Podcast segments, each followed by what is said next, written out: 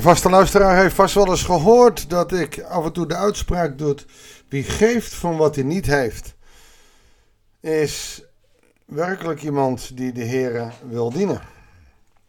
Ik zeg het op verschillende manieren, maar het is wel wat ik bedoel. Want als je geeft van wat je over hebt, dan is het geen echt offer wat je brengt. Maar als je geeft van wat je feitelijk niet hebt, dan heb je een offer gebracht aan de Heer.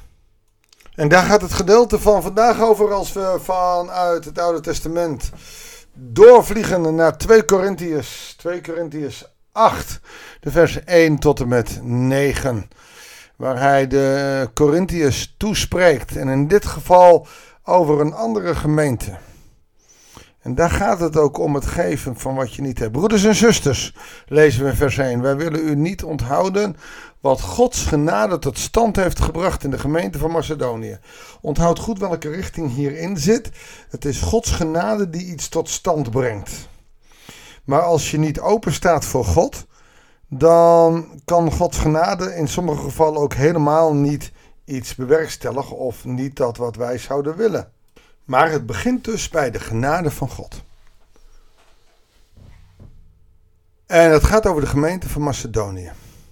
Ze zijn door ellende zwaar op de proef gesteld, maar zijn toch vervuld van de overstelpende vreugde en ondanks hun grote armoede zeer vrijgevig. Wat er dus gebeurt is dat de gemeente van Macedonië ehm, het niet breed hebben. Kleine gemeentes zijn, armoedige gemeentes zijn, misschien onderdrukte gemeentes zijn. Gemeentes waarvan wij zouden zeggen, joh, doe je gift dan lekker niet. Maar zo blij in Christus, zo vol zou je kunnen zeggen van de Heilige Geest, dat ze heel vrijgevig worden. Maar als je arm bent, waar geef je dan van? Dan geef je van dat wat je niet hebt. Oftewel, wat je eigenlijk keihard zelf nodig hebt. Ik verzeker u dat ze naar vermogen hebben gegeven. Ja, zelfs boven hun vermogen. Uit eigen beweging hebben ze ons dringend verzocht mee te mogen doen aan de collecte om de heilige in Jeruzalem te ondersteunen. Klaarblijkelijk had Paulus gezegd: nee jongens, dat hoeven jullie niet te doen. Zorg maar voor je geld, dat dat uh, voor jezelf goed geregeld is, maar dit hoef je niet te doen. Maar we willen graag, Paulus, we willen zo graag meewerken om het grote werk van God, wat vanuit de discipelen wordt gedaan, ook werkelijk waar te mogen ondersteunen.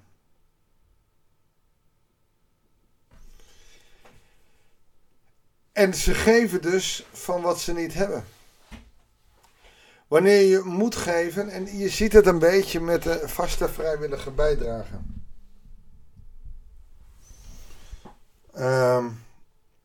En dat is, dat is uh, iets wat verplicht is. En vroeger voelde men zich nog verantwoordelijk. Tegenwoordig, oh ja, moeten de kerk ook nog betalen. En dan gaat het achteruit, dat zie je. En dan zie je dus dat wanneer je echt vol bent van God, dat je veel meer wil geven. Het is dus belangrijk in je eigen leven, maar ook in het leven van je gemeente, om vol te zijn van de Heilige Geest. Dat betekent niet omdat je veel zou geven, nee, maar omdat je met je hart leeft. En in dit geval willen ze zo graag meedoen. En dan zegt Paulus, en ze gaven aanzienlijk meer dan we hadden verwacht. Door Gods wil gaven ze zichzelf in de eerste plaats aan de Heer en vervolgens ook aan ons. En daar gaat het om. Dat zegt hij in Colossense 3 vers 23 en de goede luisteraar weet dat dat de tattoo is op mijn arm. Ik heb geen tattoo, maar als ik hem zou zetten, dan zou ik dat zo zetten. Colossense 3 vers 23, doe alles wat je doet, niet voor mensen, maar voor de Heer. Dat is wat hij hier ook al zegt. Doe nou eens geven niet alsof het voor de kerk is, maar dat je alles voor de Heer geeft. Weet je, op dat moment geef je veel meer. Want je wil God dienen met alles wat in je zit. De kerk, ja, maar die voorzitter of die ouderling. Nee, alles wat je doet, doe dat voor de Heer. Zo zouden we echt veel meer moeten leven.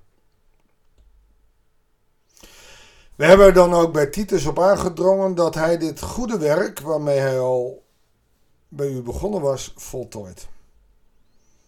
U blinkt in alles uit, in geloof, in kennis en welsprekendheid, de inzet op elk gebied.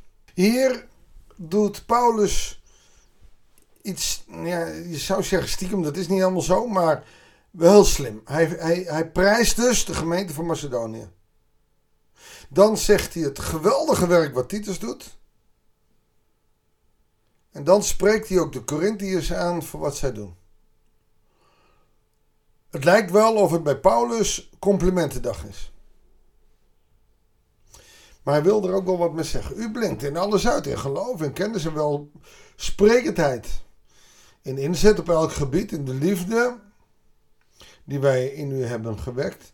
Blink dan ook uit in dit goed werk, oftewel de de collectezak. Feitelijk krijgen ze hier op hun hoofd, zo van joh, maar deze gemeentes geven heel veel, meer dan ze kunnen. En jullie kunnen veel meer. Maar jullie zijn bezig met, ehm, nou ja, je ziet het ook wel in, sommige kerken zijn bezig met bijbelstudie en met intense verdieping in het evangelie. Je hebt andere kerken uh, waar ze meer om de praktische dingen geven.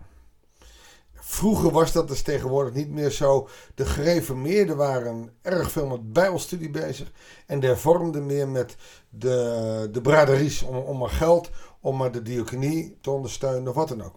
Nou, gechargeerd is niet overal hetzelfde, maar daar stonden ze vroeger onbekend. Nou, de Corinthiërs, die worden aangepakt. Dus er mag wel wat, wat meer in die collectezak. Ik zeg u dit niet als bevel. Door op de inzet van anderen te wijzen, wil ik nagaan of uw liefde oprecht is. En dus hij corrigeert zich zelf al. Ik doe het niet zo van je moet dit doen. Maar ik wil wel weten of je liefde werkelijk uit je hart komt. Omdat je het doet omdat het moet. Kijk, een collecte houden en dan dat iedereen daar 50 cent in doet omdat het moet. Daar win je niks mee. Maar als je mensen warm kunt krijgen voor het evangelie. dan opeens kun je ze warm houden en dan zullen ze ook gaan geven. En dan eindigt hij dit gedeelte. Ten slotte kent u de liefde die ons Heer Jezus Christus heeft gegeven. Hij was rijk, maar is omwille van u arm geworden, opdat u door zijn armoede rijk zou worden. Wat zegt hij hier nou? Hij geeft het extra accent. Jezus was in de hemel, Filippenzen 2. Of het lied Heer, ik prijs uw grote naam. U was in de hemel, u heeft zich vernederd om naar de aarde, dus arm geworden. Omdat u door zijn rijkdom, dat wij mensen door zijn armoede rijk zouden worden. Door zijn opstanding, door zijn dood zijn wij gereinigd. Hij gebruikt hier dus argumenten waarmee de Corinthiërs feitelijk niet anders kunnen dan net even iets meer in de collectezak. Ik weet wel dat we in mijn vorige gemeente dan wel eens hoorden een dominee een trucje voor had. Uh, dan had je een gezang. Hij staat overigens volgens mij ook in Jan de Heer. Neem mijn zilver en mijn goud. En, en dat is flauw om te zingen natuurlijk. Maar feitelijk is dat wat Paulus hier ook doet. Hij laat zien hoe goed andere gemeentes, hele arme mensen die heel veel gegeven hebben. Hij laat zien wat Titus doet. Hij zegt van ja, het is hartstikke mooi al die Bijbelstudie, maar je moet het ook met daden laten zien. En dan laat zien dat ook Jezus voor ons aan het kruis gestorven is. Hij speelt in op een geweten. Nee, niet op een geweten. Hij speelt in op een hart. En daar hoort je geloof te zitten. Zullen we danken en bidden? God, dank u wel dat u ons dat hart gegeven heeft. Vul het met uw heilige geest. Dat wij geen dingetjes doen omdat het regel is, maar dat wij met ons hart geven, met dat hart doen. Dat we tijd en energie geven aan mensen die het zo hard nodig hebben. Legt u de namen van de mensen met zorg in ons hart. Heer, zegen ons deze dag dat we onze ogen open houden voor de mensen om ons heen. Dat bidden we u samen in Jezus' naam. Amen. Dankjewel voor het luisteren. Ik wens je God zegen en heel graag tot de volgende uitzending van het Bijbelsdag.